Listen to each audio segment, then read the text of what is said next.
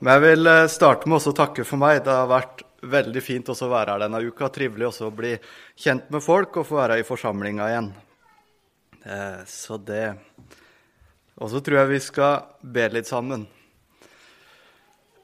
Kjære Herre Jesus, takk for at du er den du sier at du er. Takk, Herre, for at du har lova å være her.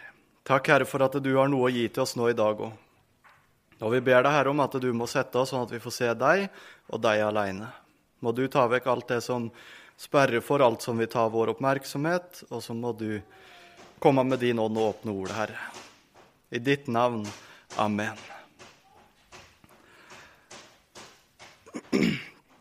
Framtida er lys. Framtida er lys for et menneske som kjenner Jesus. Det er gode dager som ligger foran. Dere som har vært her tidligere i uka, vet at eh, ene dagen så var vi innom Josva. Og så har jeg tenkt at Vi skal tilbake til Josva nå i dag, eh, til Josvas bok, og vi skal til kapittel 1. Eh, den boka den står rett etter Mosebøkene. Og historia der er 430 år med fangenskap i Egypt er over. Jødene har fått reise ut. 40 år med vandring i ørkenen er over. Etter å ha vandra rundt der ja, nesten uten mål og mening i 40 år, det er over nå. Og så har det kommet til det punktet hvor Moses er død. Den store lederen, han som har tatt seg av folket, han som var den som førte dem ut av Egypt på vegne av Gud, han som har leda folket gjennom ørkenen, han som har vært den helt store lederen iblant folket, han er død. Hans etterfølger, han heter Josva.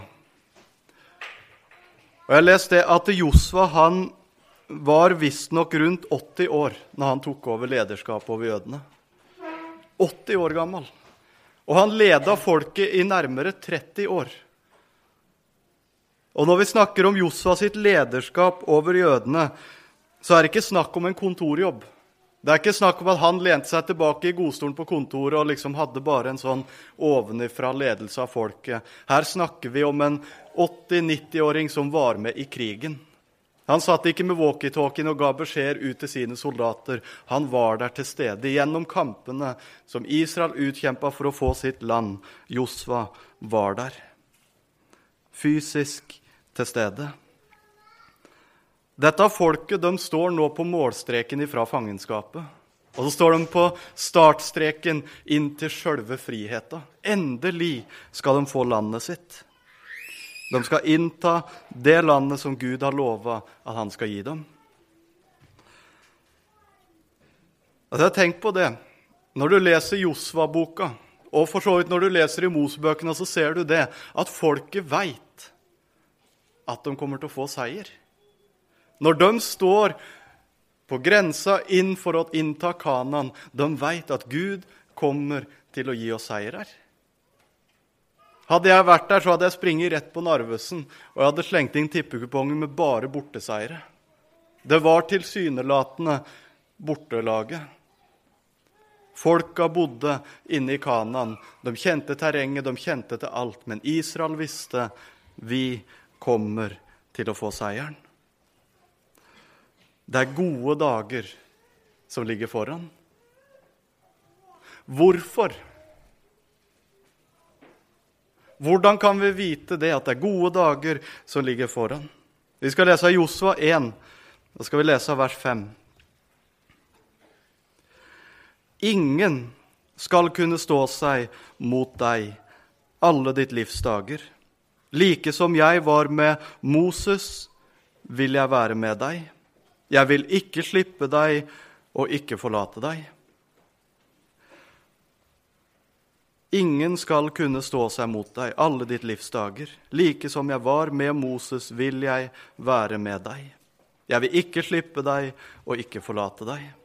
Josva, han har fått en voldsom oppgave. Han tenker kanskje for seg sjøl at det er en for stor oppgave. Kanskje han er nervøs for åssen dette kommer til å gå. Er jeg i stand til å lede folket? Er jeg i stand til å være den som skal føre folket når vi skal innta landet vårt? Er denne oppgaven for stor for meg? Han skal føre et helt folk. Han skal lede kriger mot andre folk. Han skal stå i frontlinja. Folk som på papiret ser sterkere ut. På papiret er flere. Bedre våpen, bedre festninger, eller har festninger. Josfa han skal lede sitt folk i krigen mot disse her. Og I tillegg til det så er han folkets leder. Han skal sørge for at de har mat og drikke, han skal sørge for at de har tak over huet. Et eller annet sted å kunne slå leir. Et eller annet sted å kunne trekke seg tilbake til. Josva har en ufattelig stor oppgave. Og alt dette her er med et utgangspunkt et folk som ikke eier så mye som en liten jordflekk engang. Det er store oppgaver som Josva står foran. Men Josva har én fordel. Han har én ting i sitt liv som blåser alle andre ting til sides. Som knuser alle fordeler folka inne i Kanan måtte sitte på, som overgår alt annet. Josva har én fordel i sitt liv, og det er at Gud har lova å være med han. Og Gud har lova å kjempe Josva sin kamp og kjempe Israel sin kamp. Gud er med folket. Det første Gud sier til Josva etter at han har gitt den denne tilsynelatende, kanskje umulige oppgava, det er at 'jeg skal være med deg'. Du har sett hvordan jeg har leda Moses. Du har sett hvordan jeg har vært med Moses gjennom alle åra han førte dette folket. På samme måten På samme måten, Josua, skal jeg være med deg. På samme måten skal jeg lede deg. På samme måten skal jeg kjempe din kamp. Det er trøst. Det er styrke i en sånn situasjon som Josva har kommet opp i. Gud skal kjempe for Josva. Gud skal være med Josva. Og Det er det første punktet som jeg har tenkt på der. Gud er med Josva. Gud kjemper for Josva. Og Gud kjemper for jødefolket på vei inn i Kanan. Og Her snakker vi altså om et folk som er godt kjent med nederlag. Den forrige seieren deres, den forrige store seieren deres, den kom 40 år tidligere. Og til og med den seieren var egentlig ikke en fullstendig seier. De kom ut av Egypt, men ja, de ble vandrende rundt i ørken, fortsatt i villmarka, i 40 år til.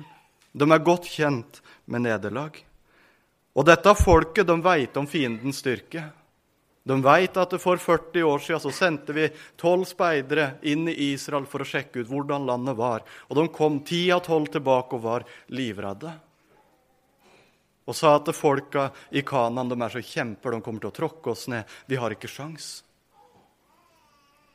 Folka i Kanan er tilsynelatende mye sterkere enn Israel. De har fordelen av hjemmebane, de er i kjent terreng. De kjenner områdene. De var større og de var sterkere folk. Du kan lese om det i 5. Mosebok. tror jeg det står om at Gud, I det landet som man skal gi Israel, så er det sju folk, og alle sammen er større og sterkere enn Israel. Så på sett og vis det er grunn til å frykte for dette folket. Det er grunn til å være redde om du er jøde på den tida der. Men så var det sånn de hadde den ene store fordelen. De visste at Gud er på våre side. De visste at i alt det vi møter, når vi går over Jordan, når vi går inn i Kanan, så har vi en på våre side som er sterkere enn alle andre, og sterkere enn alt annet, og større enn alle folka som vi måtte komme opp mot. Gud er med oss. Gud er på våre side. Den fordelen er det som gir Israel seier. Og så kan vi lese seinere i Josvas bok. Vi skal til kapittel 23. Vi kan lese i vers 3, og så skal vi lese vers 10. Og Der har vi fasiten på alt som har skjedd etter at de har kjempa alle disse slaga. Dere har sett alt hva Herren deres Gud har gjort med alle disse folk, som Han drev ut for dere. For det var Herren deres Gud som kjempa for dere. Det var Herren deres Gud som kjempa for dere. Og så leser vi vers 10. En av deres menn drev tusen på flukt. For det var Herren deres Gud som kjempa for dere, slik som Han hadde sagt til dere. Det var Herren deres Gud som kjempa for dere. Gud var med dem. Og folket går fra seier til seier i vissheten om at det er en som kjemper denne kampen for oss. Et folk som var uten land, et lite folk, et stakkarslig folk. Et folk som ser ut som de står tilbake for alle andre folk.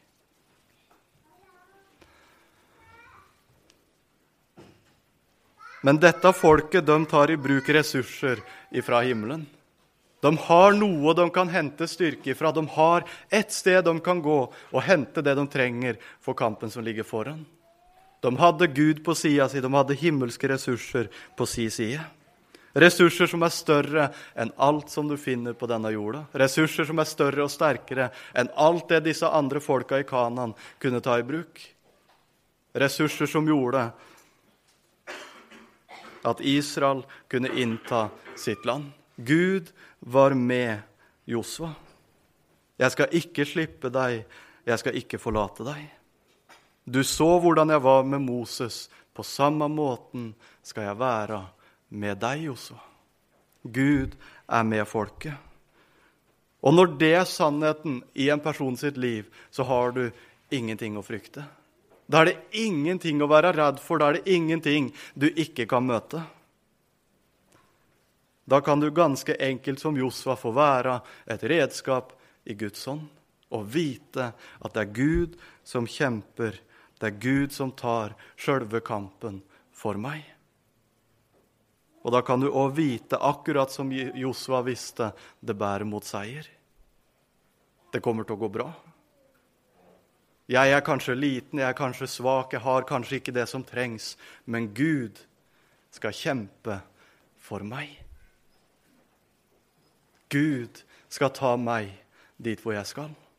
Gud skal være med meg. Det andre punktet, det er at Gud er med deg. Gud kjemper for deg. Du kan lese i Bibelen hvordan Gud var med Josva, hvordan Gud var med jødene inn i Kanan, og på forskjellig annet vis gjennom Bibelen. Du ser hvordan Gud har leda sitt folk, vært med sitt folk, kjempa for sitt folk. Og så kan du lese i Bibelen hvordan Gud er med deg, du som tror på Jesus. Hvordan Gud sier at han skal kjempe for deg. I ditt liv, i dine kamper, i det du måtte møte. Gud er med deg i din usikkerhet. Når du kanskje ikke ser framtida helt tydelig, når du er redd for hvor jeg skal hva jeg skal gjøre, hva som er rett. Gud er med deg.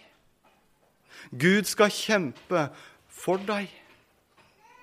Gud skal ta din kamp. Kanskje du sitter og tenker at du vil ha den tryggheten som Josua fikk. En helt konkret beskjed når han tar over lederskapet over folk, og så får han høre fra Gud sjøl. Helt konkret 'Jeg skal være med deg'. Og så vil du ha den samme trygghet at du kan gå i kampen, sånn som Josva gjør, i vissheten at det er Gud som kjemper for meg. Og så sier Bibelen Gud er med deg. Du skal ikke bare sitte der og ønske at du kan få ha den tryggheten. Du skal få ha den tryggheten. Du skal ikke bare få sitte og ønske at du kan få oppleve noe av det samme som Josua fikk oppleve. Noe av det samme lederskapet, noe av det samme med Gud i ditt liv. Du skal få oppleve det samme i ditt liv.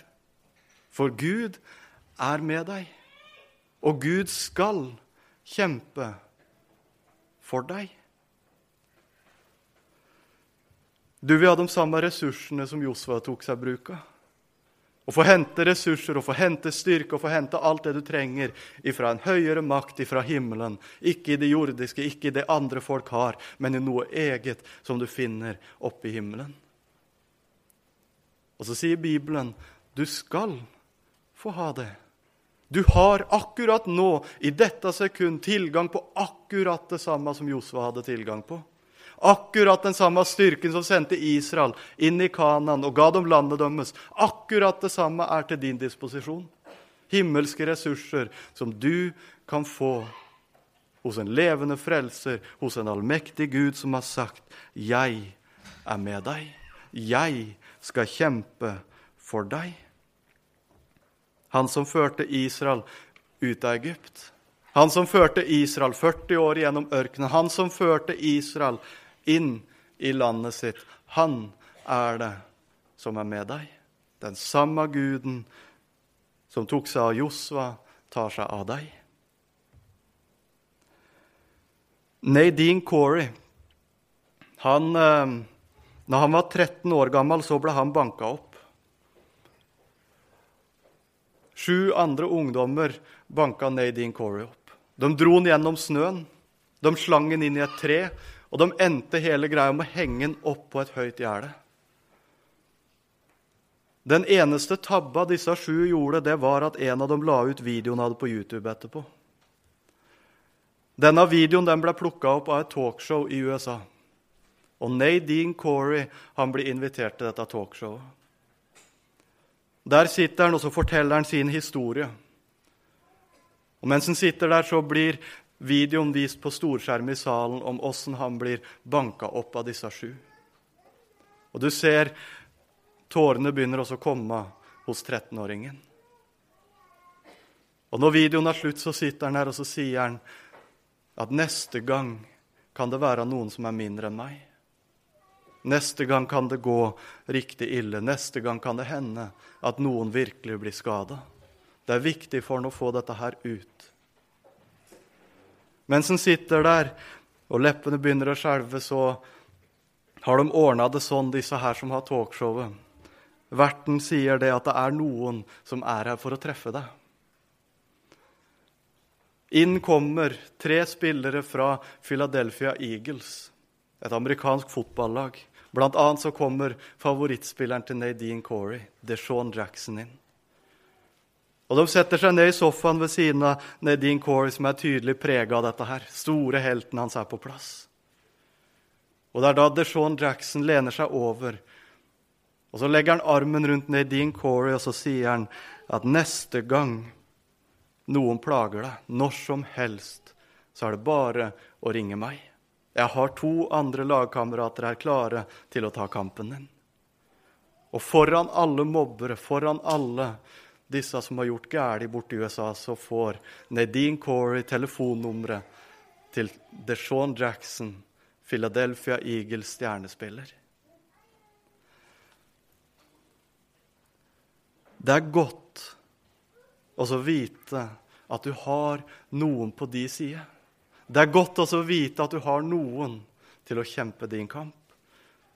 Det er godt å vite at du har noen som står bak deg, som gjør at andre ikke tør å gjøre noe galt mot deg. Og om noen prøver, så har du ingenting å frykte, for det er én som kommer til å kjempe for deg. Det er én som kommer til å ta din kamp. Det er én som kommer til å gi deg trygghet. Uansett hva du møter, uansett hva du står i.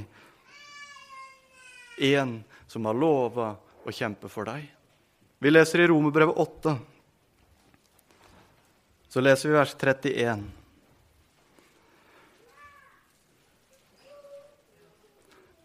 Hva skal vi da si til dette?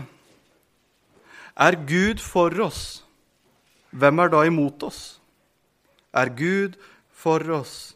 Hvem er da imot oss? Så kan du lese Romerbrevet 8, og så er det et kapittel om frelse. Og så er det et kapittel som forteller deg hva du eier i Jesus Kristus. Hva du har fått i Han som døde for deg.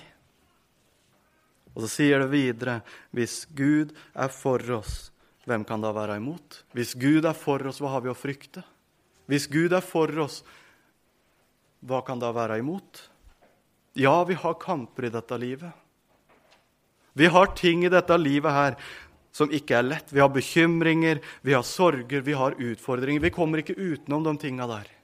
Vi kommer til å oppleve, Du kommer til å møte ting som er vanskelig i dette livet. her. Det kan handle om økonomi. Vanskelig å få endene til å møtes. Kampen hver eneste måned med å få ting til å gå opp. Det kan være kamper i forbindelse med familie, ekteskap som er vanskelig, kanskje i forhold til barn, forskjellige ting som kan være vanskelig. Det kan være kamper i forhold til sykdom, i forhold til helse. Det kan være kamper i forhold til myndighetene. Det kan være kamper i møte med sjefen, i møte med jobben, i møte med læreren. Det kan være så mange ting som byr på utfordringer og vanskelige situasjoner i ditt liv.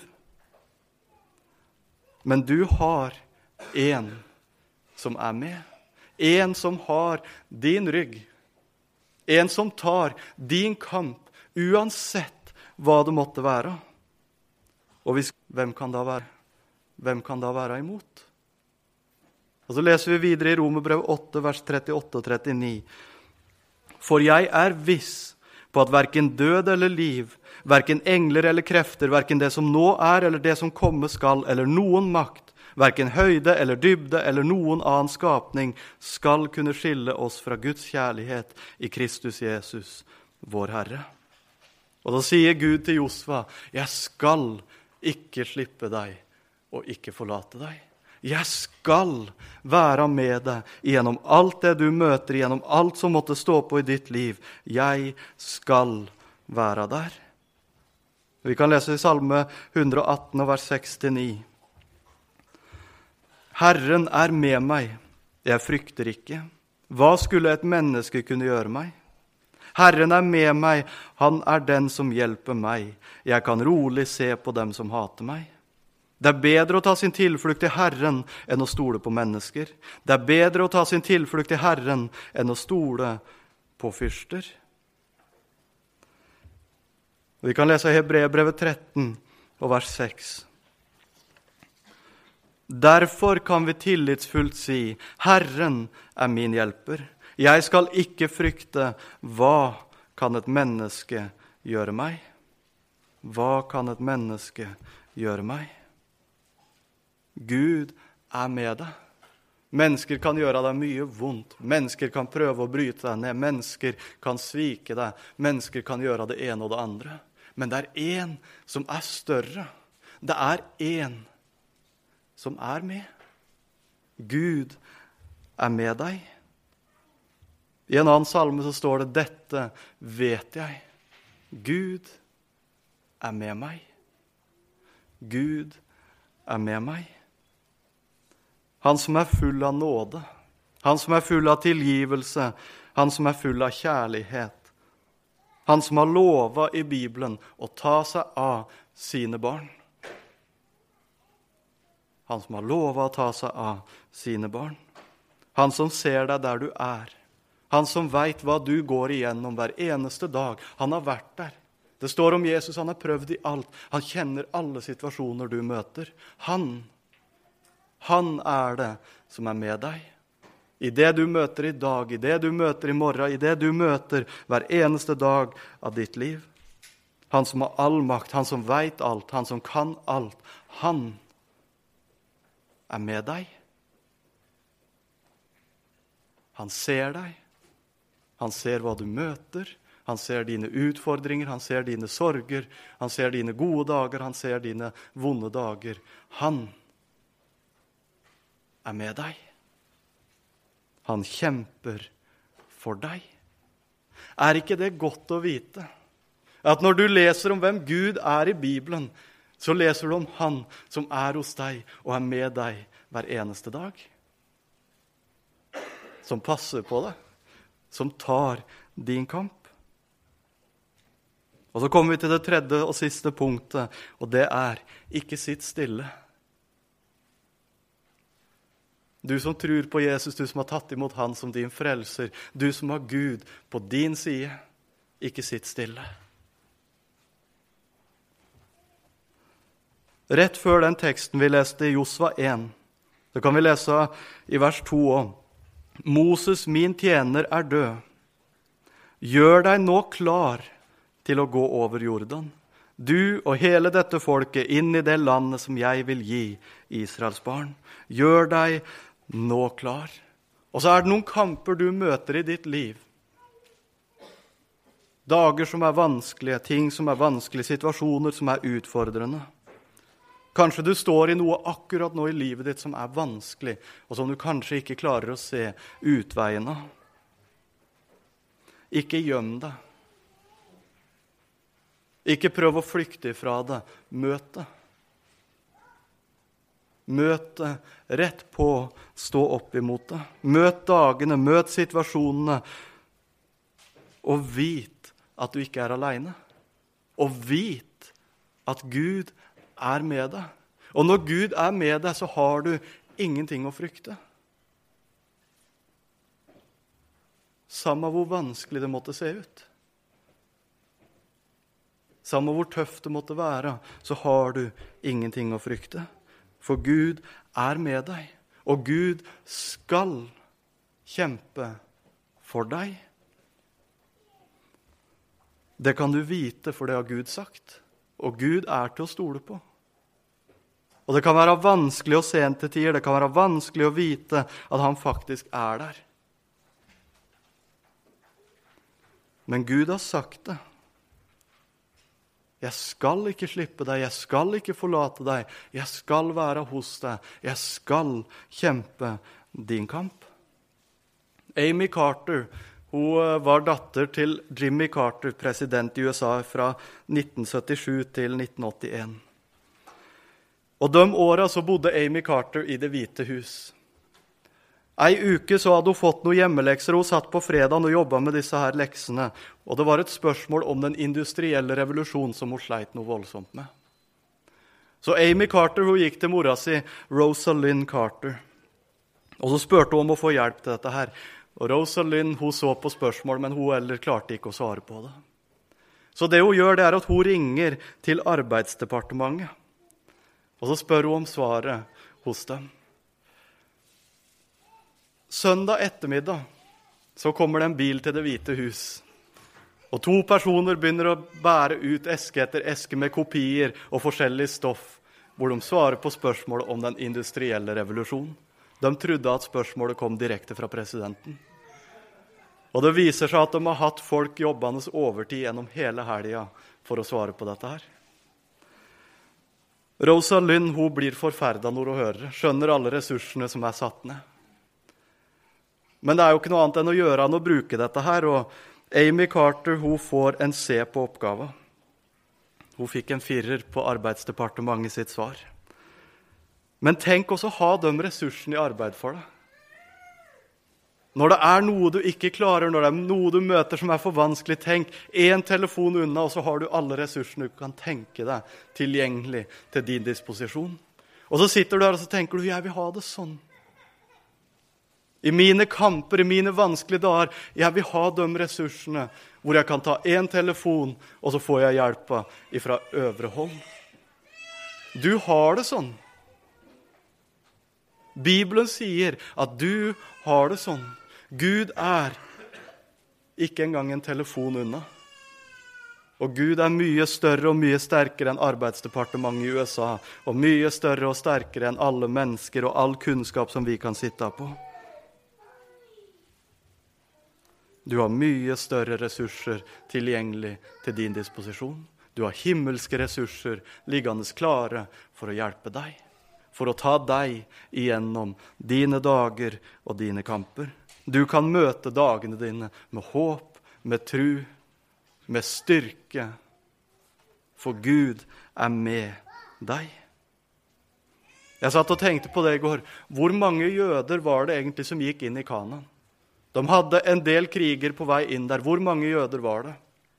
Og Det sto forskjellig svar, og jeg forsto det at de lærde blir ikke enige om det der. Men det kan være snakk om to millioner. Det kan være snakk om to og en halv million. Det sies i hvert fall muligens, da. Noen som mener det. 600 000 menn som gikk ut av Egypt, og som gikk inn i Kanaan 40 år etterpå. Og det står i hvert fall i Bibelen at det er 40 000 som går imot Jeriko. Og så satt jeg og tenkte på det. De kunne vært ti. Ifølge Bibelen så kunne det vært en gjeng på ti menn som gikk mot Jeriko. Det kunne vært én. For det sto ikke på en eneste en av de menneskene som var på vei inn i Kanaan. Det var ingenting som lå på dem, men det var én en eneste ting som betydde noe, og det var at Gud var med dem. Og da falmer alt annet. Det kunne vært én person som sto utafor Jerikos murer og blåste i hornet og ropte, og murene hadde falt av den enkle grunn at det var Gud som var med dem. Det var Gud som sørga for at jødene fikk sitt land.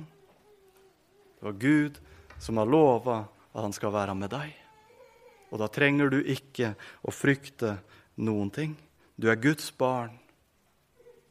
Du er hans eiendom, du er hans ansvar. Og han har sagt, 'Jeg er med deg'. Ingen skal kunne stå seg mot deg alle ditt livs dager. Like som jeg var med Moses, vil jeg være med deg. Jeg vil ikke slippe deg og ikke forlate deg. Kjære Herre Jesus, takk for at det er sant. Takk, Herre, for at du har lova å være med dine barn. Takk, Herre, for at du har gitt oss alt det vi trenger på Golgata en gang for alle. Og så sørger du for oss den dag i dag. Takk, Herre, for at vi har ingenting å frykte. Vi har kanskje vanskelige dager vi møter, vi har kanskje kamper, vi har kanskje vonde ting i livet vårt. Men takk, Herre, for at du har sagt at da kan vi få ta alle de tinga til deg. Og så har du sagt du skal kjempe for oss, du skal være med oss, du skal ta deg av dine barn. Herre, det ber vi om å få hvile i nå i dag, og få ha den tryggheten at Gud er med oss. Hvem kan da være imot oss? I ditt navn. Amen.